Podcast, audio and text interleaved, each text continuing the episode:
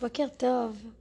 שבוע שעבר אני הקלטתי פודקאסט בעודי יושבת מול נוף עוצר נשימה ברמת הגולן באמצע, בשיאה, בשיאו של אה, חופש זוגי והקלטתי פודקאסט כזה יפה ומנומק על, על חופשה זוגית ולמה ומה וכל זה. בקיצור, אבל לא חשבתי אה, לשמוע, לבדוק את, ה, את השמע של זה ואיך שזה נשמע, ואז כשנכנסתי חזרה לרכב אמרתי לאליסף, בוא נקשיב לפודקאסט שהקלטתי על על חופשה זוגית, ראינו שזה בלתי אפשרי לשמוע אותו בגלל הרוחות המהממות ברמת הגולן, אבל אה, הרוחות פשוט אה, הפריעו לסאונד ולא הצלחנו לשמוע כלום.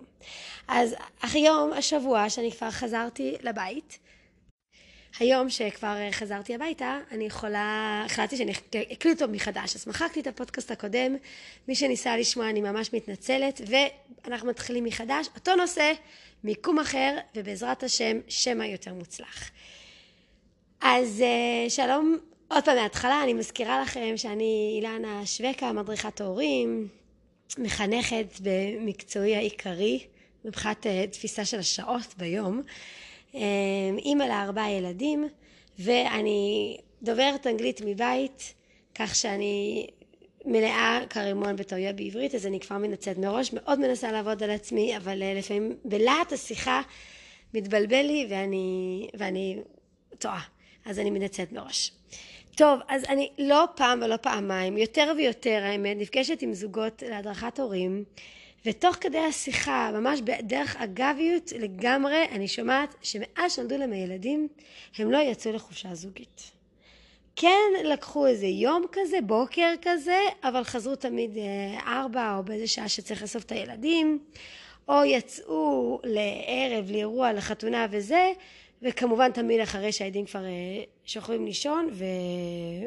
וכל זה, וילדיהם לא טעמו טעם של, אה, של בייביסיטר. האמת כשאני הייתי אימא צעירה לבן הבכור שלי שהיום אה, ברוך השם הוא בן אה, כמעט 14 אז אני איכשהו נכנסתי באופן מאוד מאוד טבעי לאימהות ואני עד היום כאילו לא מבינה איך זה קרה.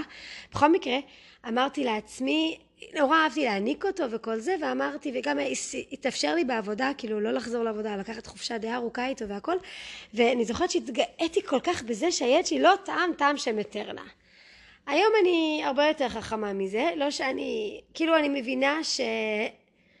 בואי, תרגי. לפעמים בשביל הרבה הרבה רווח, רווחים אחרים, כדאי שהילד יטעם טעם שם יותר. זאת אומרת, המחיר שלפעמים אנחנו משלמים כדי שהילד לא יטעם טעם שם יותר, לא בטוחה שזה כל כך המחירים ששווים את זה.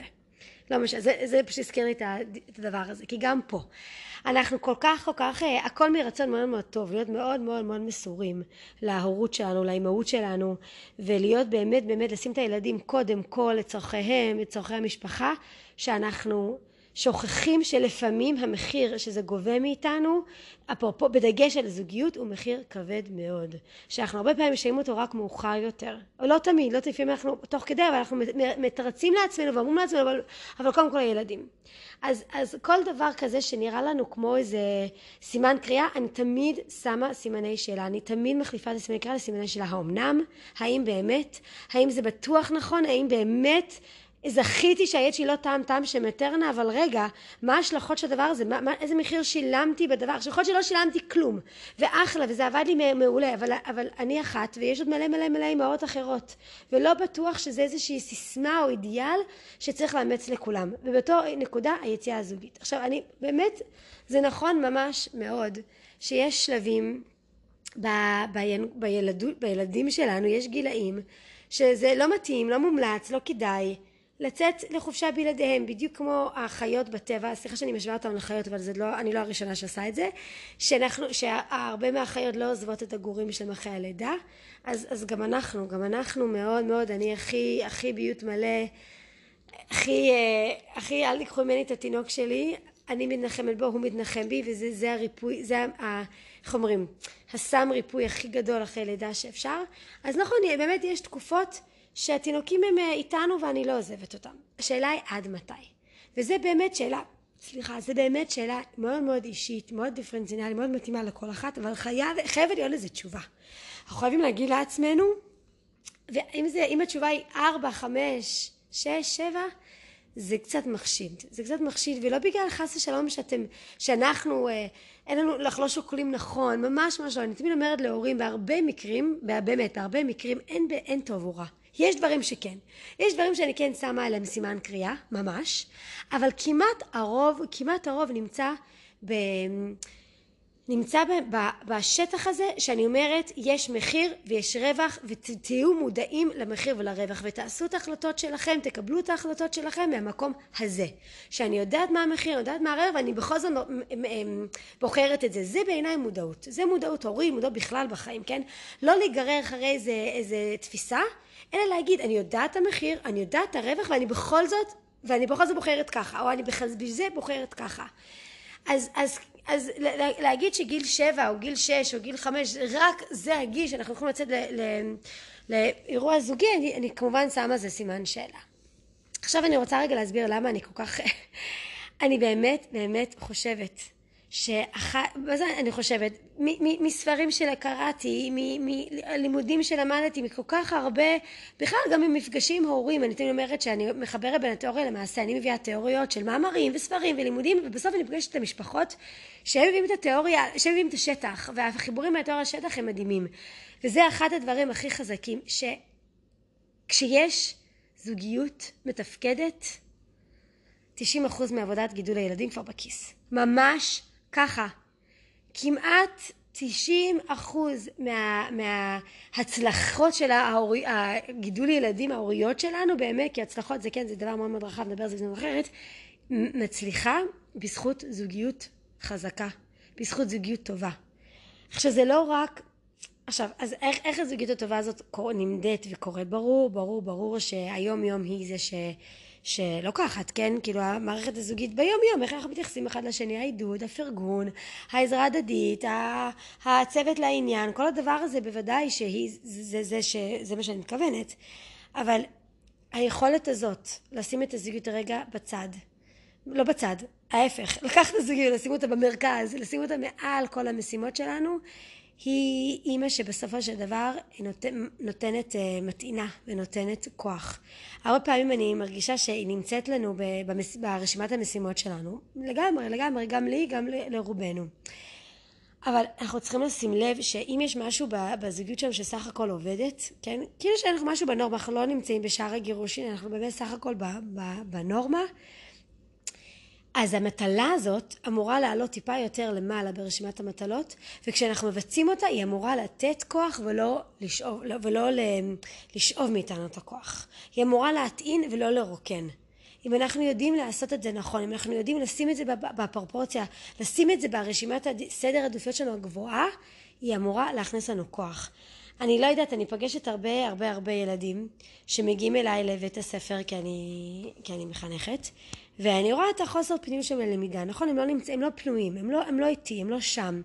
הרבה מהם זה בגלל הקשיים שיש בבית. קשיים סופר אה, נורמטיביים, כן? לא מדובר פה על, אה, על אלימות גורפת או על גירושים במשפחה, באמת דברים פשוטים. למה אני מנסה להגיד את זה? שהבית משפיע על התפקוד שלנו, הבית, המרכז שלנו, המעגל, המעגל הראשוני שלנו, של השייכות ושל ה... ה האוויר לנשימה, המעגל הראשוני שלנו, שזה מעגל המשפחה, לנו זה מעגל הזוגיות, היא נותנת לנו את הכוח לפעול במעגלים האחרים של החיים. כאשר המעגל הבסיסי הראשוני הזה לא מספיק טעון, לא מספיק טעון במילה הלא חיובית, לא מספיק חזקה, לא מספיק מיטיבה, לא מספיק מוחזקת, אני, לפחות עליי, ובדרך כלל זה עובד אצל רובכם, התפקוד שלנו אחר כך המעגלים האחרים נראית בהתאם. זה הקור. אנחנו מצליחים להסתדר בלי, אנחנו מצליחים להעביר את הימים מבלי שיצאנו לאיזושהי דייט זוגי, אנחנו מצליחים, כי אנחנו מבוגרים, כי אנחנו יודעים לשים את הצהרות בצד, כי אנחנו יודעים לתפקד, כי אנחנו יודעים לשים, לעשות את ההצגה הנכונה ואנחנו יודעים לנהל את זה.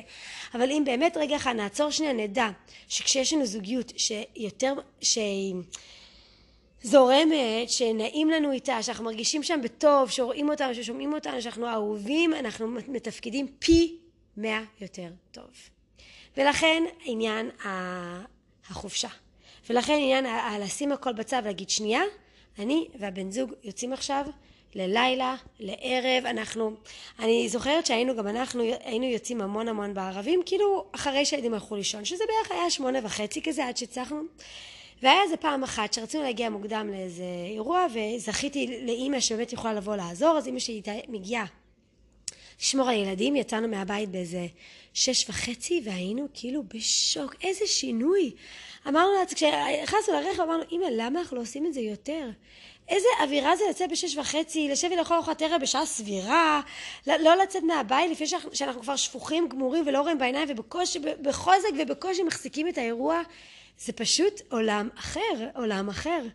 אז אפילו הנקודה הזאת שאנחנו יוצאים לפני שהילדים ישנים קומפלט, יוצאים כשאנחנו עוד ערניים, שלנו עוד יש כוח, זה כל כך כל כך משמעותי. עכשיו אני מבינה שלהרבה מאיתנו אין את המעגל תמיכה הזאת של סבתות ושל אחיינים ושל דודים שיכולים לבוא ולשמור. אז צריך ליצור בעצמנו את המעגל הזה. צריך ליצור בעצמנו מעגל תמיכה שיכולה לעזור לנו. לא סתם אם מגדלים ילדים בשבטים. לא סתם יש משפחות רחבות שהיום באמת לא לפני הרבה זמן היו מגדלים ילדים בשבט ותמיד יש את המשפט הזה ש... טוב עכשיו אני לא מצליחה לצטט את המשפט במדויק אבל שצריך שכפר שלם לגדל ילד זה בדיוק זה. אז אם אין לכם מישהו במולד, אז בוא נאמץ, בוא נאמץ את הבייביסיטר השכונתית, את הילדה המתבגרת, שיוכל לבוא אלינו הביתה, להכיר את הילדים, לשחק איתם, ליצור איתם איזשהו קשר ראשוני, ואז לאפשר לה לעשות לנו בייביסיטר.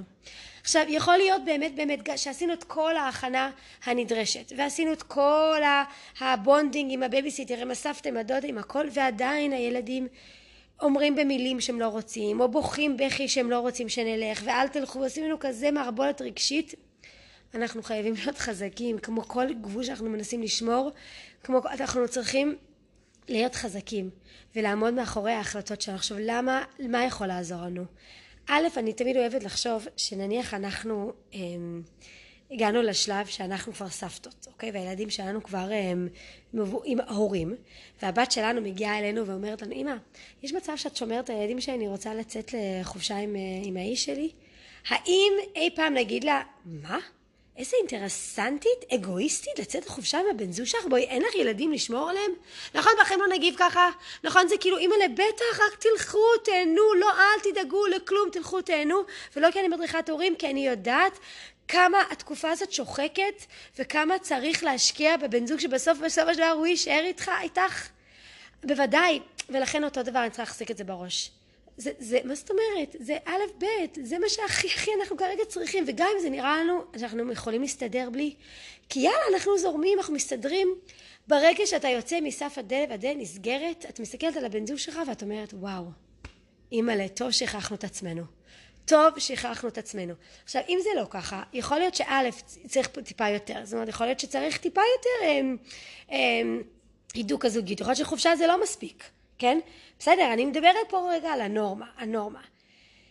עכשיו, חוץ מזה של מה עוד יכול לעזור לנו לשמור על הגבול הזה ולצאת גם אם אני שומעת את הבכי והכל אז מעבר לכך שאנחנו יודעים כמה זה מטעין אותנו וכמה זה חשוב הדוגמה האישית הדוגמה האישית, אה, כולנו רוצים לגדל ילדים שיכולים בעזרת השם ביום, כשהיום יגיע לתחזק ולהחזיק זוגיות. אנחנו רוצים שהם יוכלו אה, להתחייב למישהו ולגדל איתו ילדים ולהקים איתו משפחה ולהחזיק איתו בית ואחד המודלים של הדבר הזה זה אנחנו איך הם רואים אותנו, אנחנו כל היום בהצגה, אנחנו כל היום במופע, והם לומדים ואשכרה מסכמים בתוך היומנים האישי הפנימיים שלהם.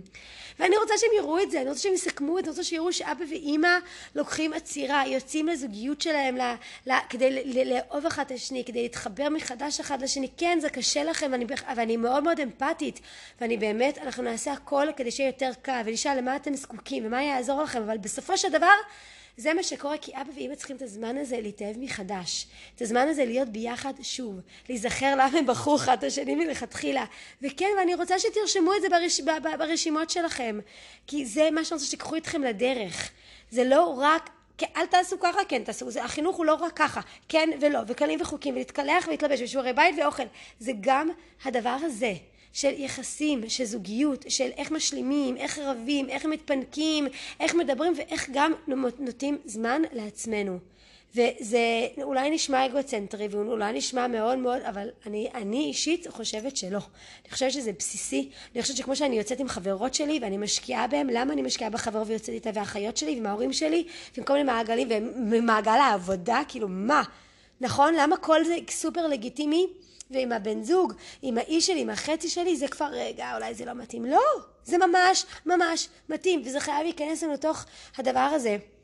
וברור שצריך לעשות את הכל, את כל סיפור היציאה לחופשה, והכי הדרגתי, והכי נכון, וברור, ואני יכולה לספר לכם, טוב, אני, אספ... אני אסיים באיזושהי אנקדוטה שהייתה לי עם הילדים שלי כשאנחנו יצאנו לחופש, אבל אני רק באמת ממש ממש מאחלת לכל אחד מכם למצוא את, ה... את הדרך הנכונה להפוגה.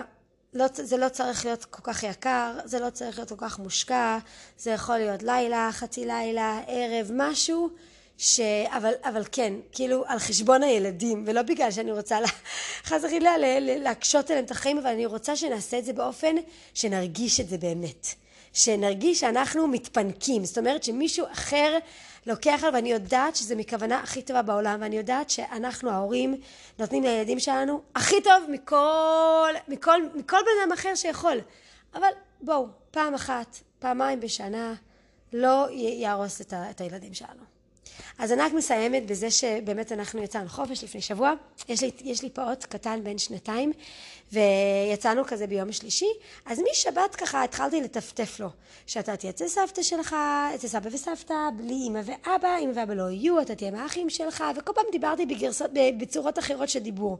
אתה, אמא סבתא תיקח אותך למעון, ומי יעזוב אותך בסוף היום? לא אמא, סבתא כזה, כאילו, אפילו זה היה קצת לנחם את עצמי, ובסדר גמור, כן, קשה לי, כן, אני לא רוצה לעזוב אותו, כן, זה לא הטבע שלי לא להיות עם, עם הגוזל שלי, אני, אני אומרת את זה. מצד שני, אני יודעת של הבן זוג שלי, ואגב גם לנו לזוגיות שלי זה חשוב. אז אני קצת מנחמת אותי וקצת מכינה את עצמי תוך כדי שאני מדברת איתו, אבל בסדר, אז מה, גם לי קשה. בכל מקרה, לא עזרת לדבר, בכל מקרה, איזה שתי לילות לפני שנסענו, ראיתי שהוא לא נרדם כי אתמול שלשום הוא לא נרדם רגוע, הוא נורא נורא רוצה להיות על הידיים שלי, אני שם אותו בלול, הוא מתחיל לבכות, כל מיני דברים שאימא'לה, מה קורה? איזה רגרסיה כזאת שכאילו לא ראיתי אותו בחיים אה, ככה. וגם כשאני השקפתי אותו לילה אחד זה היה ככה לפני שנסענו, וגם בלילה השני שאליסף השכיב אותו, התנהג באותה צורה. בקיצור, שתינו אמרנו אחד לשני, אני והאיש שלי, באיזה ערב אה, על קפה, אמרנו, שמת לב איך היה לדיואל קשה להירדם בלילה? אז אמרנו, איזה קטע, גם אני שמתי לב. נראה לי שזה הלחץ שלו, ההשפעה שלו על הנסיעה שלנו. ואז אני סוף שאלתי, תגידי, זה שווה את זה? אז אמרתי לו, בעיניי כן, ממש. מותר לו להביע חרדה, לחץ, מתח. אנחנו מביעים את זה יחד, אני פה כדי לתמוך את זה, כדי לתווך את זה, כדי לנחם אותו בזה, זה בדיוק מה שעשיתי. לא בעטתי, ראיתי שהוא במצוקה, ראיתי שהוא בוכה בלול, שהוא לא מתנהג כרגיל. אז, אז, אז, אז, אז הנהגתי בהתאם, נתתי לזה מקום. בקיצור, יצאנו לחופש, ברוך השם, הכל סבבה. כשחזרנו, בום, הלך לישון בדיוק כמו תמיד. בלי בכי, נכנס ללול, שם ראש, שבע ורבע, כמו הש... השגרה שלנו, וזה פשוט היה לי מדהים, זה ממש הראה לי, וואו, הוא הבין אותי, הוא כאילו הפנים את זה, הוא הביע את הגעגוע, את הפחד, את העצב, את הכל, ובסוף חזרנו חזרה, התאחדנו והכל חזר כרגיל. עם הכנה נכונה, זה אפשרי. ונכון, הוא היה לי קטן, והתלבטתי מלא זמן אם כן או לא, ובסוף אני אומרת, וואו, בניתי לו חוסן, בניתי לו אמונה בעצמו, בניתי לאחים שלו את, ה, את התחושה הזאת של תראו איזה קבוצה חזקה אתם, וברוך השם. יאללה, להתראות, בהצלחה וחופשה נעימה לכל מי שמעיז. בוקר טוב, אנחנו ממש בתחילת החופש הגדול, וזה ככה מעלה המון המון אמ, דאגות ולחצים מקרב ההורים, וגם קצת מקרב הילדים. אה, איך יראה הימים, מה נעשה, למה אין לנו את זה, למה יש לנו את זה. וההורים שכאילו, טוב, לחצים של ההורים אני אפילו לא צריכה לספר, כי כולנו, הם, כולנו ככה באיזשהו מקום באותו סירה. ואתמול באמת סיימתי בדיוק, אני מתחילה עכשיו לסיים, מתחילה לסיים את כל המפגשי הורים שהיו לנו במהלך השנה, כי ביולי-אוגוסט אני יוצאת לחופש. אז באמת עכשיו אני מקדישה את המפגשים האלה גם לסיום של תקופה, של תהליך, וגם לקצת, אז בואו בוא נתכוונן לקראת החופש. ואחת הדברים שעלו במפגשים האחרונים זה כל הנושא של הצקות. הילדים מציקים. יש לי ילד מציק, מציק, מציק, מציק. וברגיל, כאילו בשגרה, בשנה, אז אוקיי, אז הוא מציק, נכון, שזה סיוט וזה מעצבן, אבל זה כאילו, עכשיו שאנחנו בחופש, אנחנו מבלים איתם הרבה יותר שעות, ואנחנו הרבה יותר רואים את זה וחשים את זה, ו... וזה אפילו ההצקות האלה שמתאר ותכף תכף ניתן כמה דוגמאות, זה קורה לא רק בתוך הבית, זה קורה שאנחנו יוצאים לדודים, זה קורה שאנחנו הולכים לבריכה עם חברים, זה קורה כל הזמן. אז משהו שבמשך השגרה עוד איכשהו, אנחנו מצליחים כאילו לטשטש את זה, להתקדם, להסיח את דעתנו, בחופש זה מתעצם. זה קצת מזכיר לי, אני לא יודעת אם זה, לא יודעת, לי לפחות בתקופת הקורונה, הרגשתי בכל הסגרים, שזה באמת העצים את כל הדברים שגם ככה היו, אבל כאילו לא שמנו לב להם. כל מיני דברים ש... לא יודעת, המקום החברתי שלנו, המקום, איזה קושי עם אחד הילדים. פתאום כשאתה סגור ומסוגר בתוך uh, תקופת לחץ ומתח לבד, אז הרבה מהדברים האלה פתאום עולים וצצים. ופתאום דברים שאת יודעת שקיימים אבל במשך השנה עוד איכשהו זה עובר, או... בכל מקרה זה קצת, אז החופש הגדול יש בו איזה אלמנט כזה. שאנחנו מבלים הרבה זמן ביחד ואנחנו לפעמים יותר, לא יודעת, מי שיותר פנוי אז יותר פנוי, מי שלא פנוי אז עוד יותר זה מעסיק אותו כי יש לו גם את החיים של עצמו וגם בקיצור יש משהו בתקופה הזאת שיכול להעצים את הדברים שאנחנו מכירים אותם כל השנה ואף פעם לא עושים להם את הדעת. אז בואו נדבר טיפה על הצקות. אז uh, נדברת על הצקות, זה יכול לבוא לידי ביטוי בכל מיני דרכים. זה יכול לבוא לידי ביטוי בין אחים, שילד מציק למישהו אחר, לוקח לו מהמשחק שהוא משחק עכשיו, אה, אומר לו איזה דברים מעצבנים כזה של אה, אבל ברור כי אתה כזה טיפש, או אבל למה אתה עושה את זה, אבל זה כל כך מטומטם, או בוא, או בוא אחריי, או בוא תיקח לי את החתיכת לגו ואני אביא לך את זה, אוקיי? הצקות יכולות להיות כלפי ההורים. אה, ברכב, כשאני נוסעת עם, עם הילד שלי המציק, ואנחנו משים איזה חבר של ילד, ואז הילד שלי חייב להציק לו. ולהגיד לו, אמ, אל תשב פה, למה אתה, היד שלך נוגע בי? או מציק לו בקטע, יורד עליו, אומר לו דברים מעליבים. הצקות יכולות לבוא לידי ביטוי גם כשאנחנו אוכלים אצל דודים, בדיוק עכשיו אמא אחת סיפרה לי שהם אכלו בקידוש, הם אכלו ארוחת ערב, שבת, עם דודים, והילד פשוט הציק לבת של אחותו, כאילו לבת דודה שלו, הוא פשוט הציק לה. הוא כל פעם אה, אמר לה הערות כשהיא קמה, וכל פעם הזיז את הצלחת שלו ואז היא שאלה לאיזה מקום אחר והיא לא יכולה לשבת. בקיצור, אני רק שנייה עושה הפסקה. אני מזכירה לכולם שאני דוברת אנגלית מבית ואני מתנצלת מראש על טעויות האנגלית, העברית שיש לי, אני ממש ממש משתדלת ועובדת על עצמי יום יום. בכל מקרה, זה דוגמאות ההצקות. מה אנחנו יכולים לעשות עם הדבר הזה ואיך אנחנו יכולים להתמודד עם זה וזה שתי שאלות שונות לגמרי. איך אנחנו מתמודדים עם זה ומה אנחנו יכולים לעשות עם זה.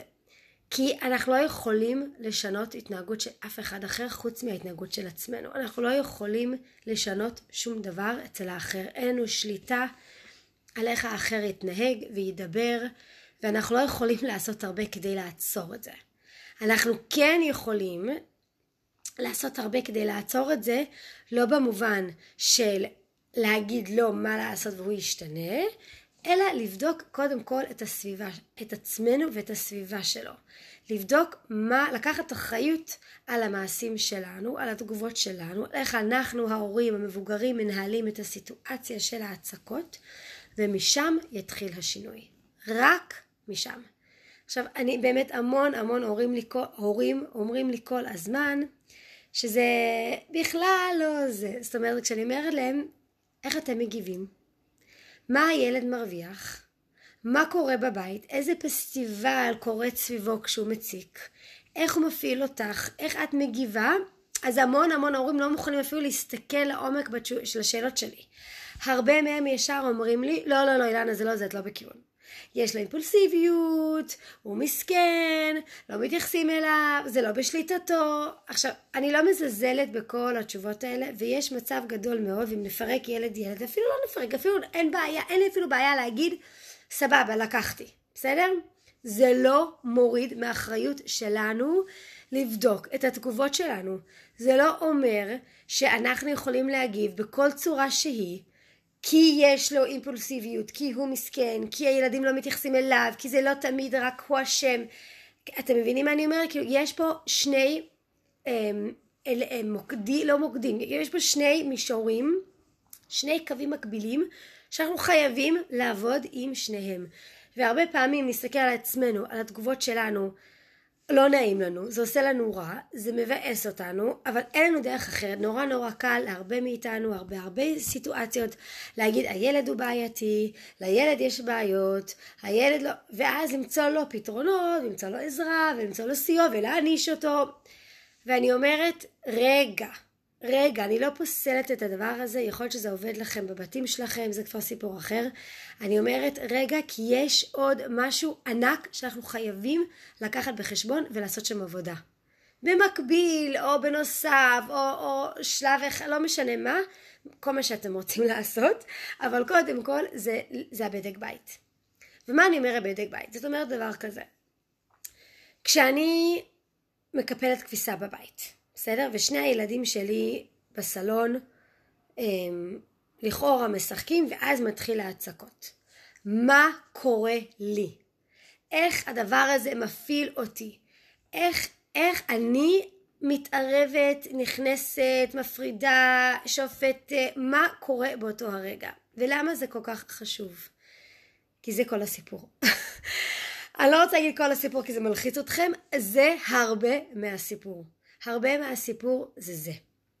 כי כשילדים מציקים, יכול להיות, יכול להיות שהם רבים, ויכול להיות שהם מתקוטטים ומשתובבים כמו ילדים, ולא כל מריבה של ילדים והצקות של ילדים מגיעה בסוף לאלימות, ויכול להיות שכשאני מתערבת, או מתערבת זה מילה, כי אני לא רוצה להגיד משהו קיצוני, כי כן צריך אה, להתערב, כן, אבל ככל שאני אמ, מופעלת ומקימה פה פסטיבל סביב הדבר הזה, אולי אני רק מגדילה את זה, מנכיחה את זה, מאפשרת את זה להתקיים, עושה, עושה שזה יהיה שווה.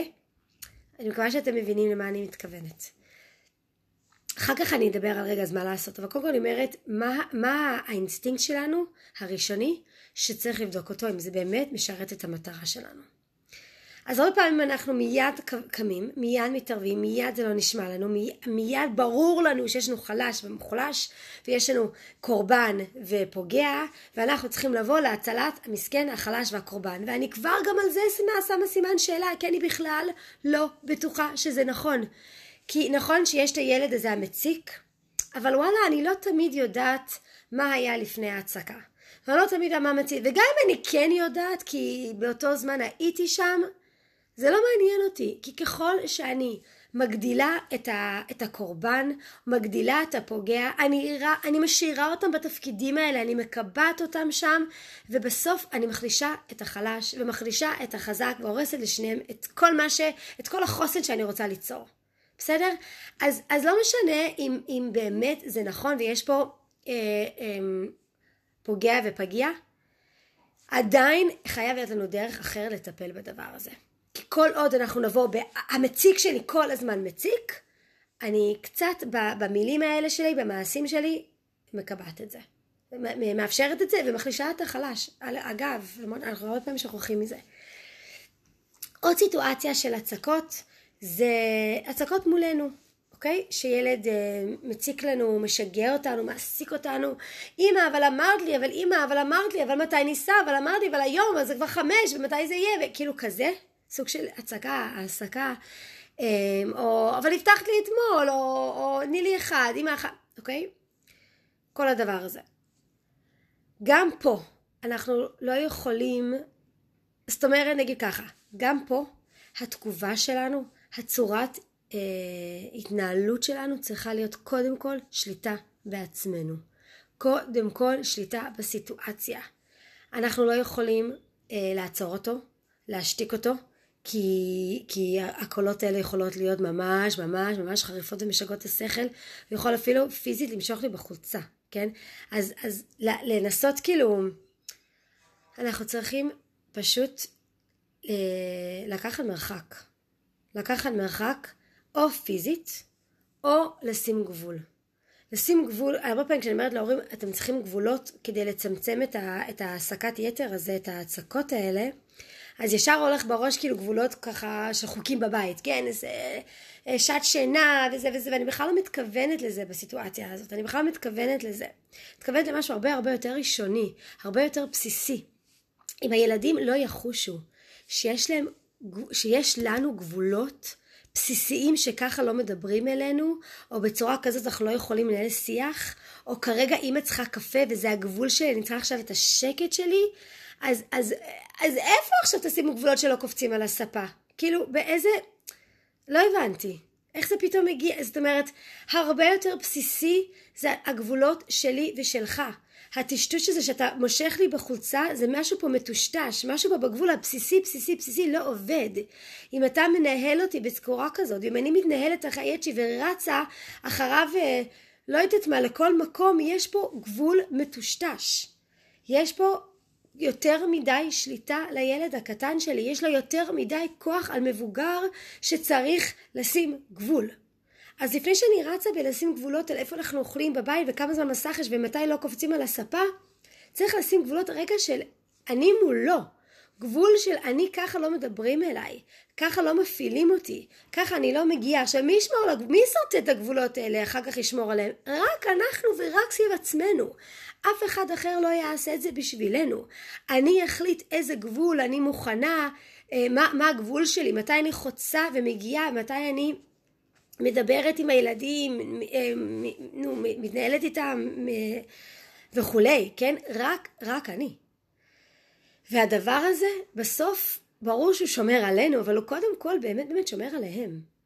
כי, כי קודם כל הוא מסביר להם מה זה כבוד, ומה זה גבול, ומה זה סבלנות, ומה זה דחיית סיפוקים, ואחר כך הוא גם שומר עליהם ברמה שהוא משאיר אותם בגיל, בגיל שלהם ומשאיר את ההורה שלהם סמכותי, שומר על הבית, נותן המון המון ביטחון, מפחית חרדה, ש, שאימא בעניינים, שאימא בשליטה, שאימא אומרת עכשיו זה לא, ככה זה לא, זה ממש ממש חשוב, אני יודעת שזה גם ממש ממש קשה.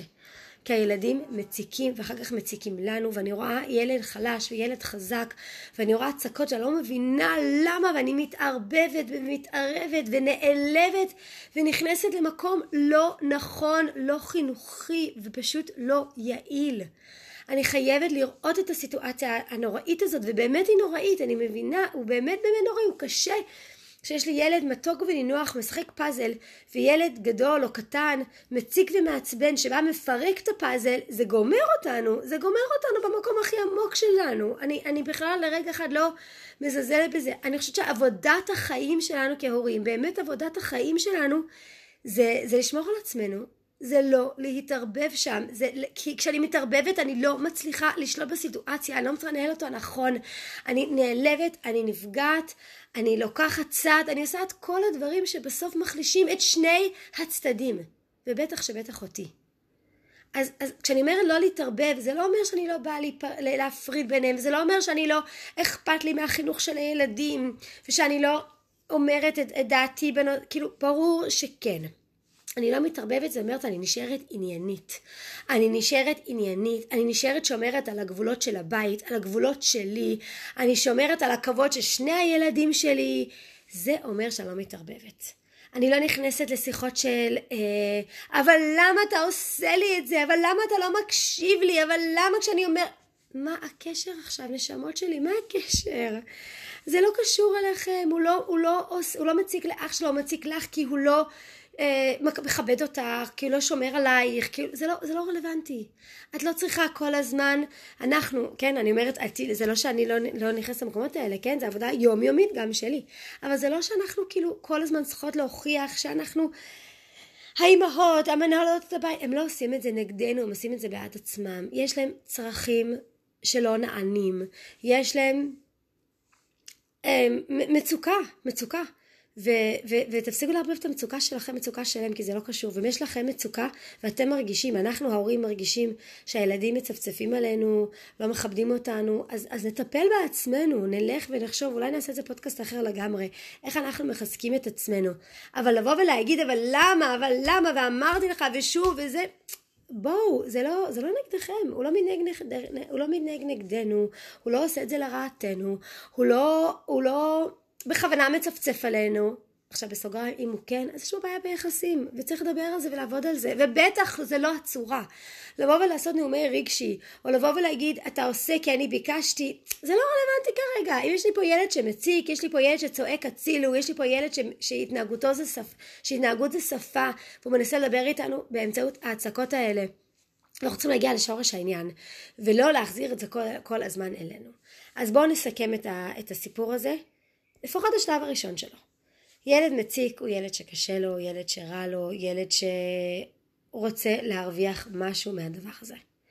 ואחד הדברים שהוא מרוויח, תבדקו בבית שלכם, אבל אני חושבת שאצל רובנו, אחד הדברים שהוא מרוויח זה את כל ההתגייסות של כל המשפחה סביב ההצקות שלו. הפסטיבל, התשומת לב, הקשר, כל הדבר הזה שנראה לנו, מה, אבל אנחנו כמעט ולא אומרים, אנחנו צועקים עליו, אנחנו כמעט ולא עושים שום דבר, זה לא יכול להיות, אבל גם הצעקות, וגם זה שעצרתי כביסה ובאתי, וגם זה שגררתי אותו, וגם זה שאמרתי משהו, זה, זה זה. חבר'ה, זה זה. בסדר? הוא זקוק לתחושת שייכות. הוא זקוק לאהוב נחוץ יכול. הוא זקוק לתחושה שרואים אותי, שאני משמעותי, ולצערנו הוא מקבל את זה באמצעות ההצקות. פשוט. הוא מקבל משמעות אישית, וואחד משמעות. הוא מקבל מקום, הוא מקבל התייחסות אישית, הוא מקבל את כל הדבר הזה בצורה שלילית. כדי שאנחנו נוכל לקבל, לתת את, ה, את מה, ש, מה שהוא צריך, כדי שנוכל לתת את מה שהוא באמת צריך, זה לצמצם את משהו, זה לתת לו את זה בצורה חיובית. זאת אומרת, א', לתת, לשים גבולות, לשים גבולות על ההצקות האלה. זאת אומרת שאני לא, אני לא, אני לא, אני שמה גבולות, אני לא קופצת אליך כשיש בעיה, אני לא מיד uh, באה לעזרה, אני, כן, אני שמה גבולות. ובצד שני אני נותנת לו המון משמעות אישית, התייחסות אישית, תרומה ומועילות, אהוב נחוץ יכול, כל הדברים האלה בזמנים הטובים שלו. אני כל פעם שיש רגע שהוא לא מציק, שהוא מדבר איתי בצורה מכובדת, שיש לו, שלא יודעת, שלוש שניות שהוא מתנהג יפה עם האח שלו, אני מפרגנת, אני מודדת, אני אומרת וואלה שימו לב, אני, אני מהירה. ולאט לאט אני משנה לו את הנוסחה שיש לו בראש. כי הנוסחה בראש זה רק אם אני מציק, אני מקבל את ההורים שלי. אני מרגיש בלב, אני מרגיש בטוח. ואני רוצה לשבור את הנוסח הזה. הנוסחה הזאת לא נכונה. לשבור אותה ולהגיד לא, מה פתאום? רק כשאתה מתנהג בנעים, רק כשאתה לא יודעת מה, כל אחד שימלא לעצמו את המשוואה, אז אתה בלב שלנו. אז אנחנו רואים אותך. אז כדי לצמצם את ההצקות האלה, אני שמה גבולות. אני לא מדברת כשאתה מנהל ככה, אני לא יכולה להיות איתכם בסלון עכשיו, אני צריכה ללכת, אני צריכה להירגע, אני יכולה לדבר איתך אחר כך, אני שמה גבולות לדבר הזה. אני מתערבת אך ורק כשצריך ורק ורק בכובע של שניהם, ומצד שני, אני מחזקת את מה שכן, מחזקת מתי שטוב, וככה לאט לאט אני עובדת בשני המישורים. וכמובן אם ילד צריך טיפול כי יש לו אימפולסיביות ויש לו ADHD וזה, אז, אז יאללה, קדימה לא לחכות עם זה. יאללה, להתראות.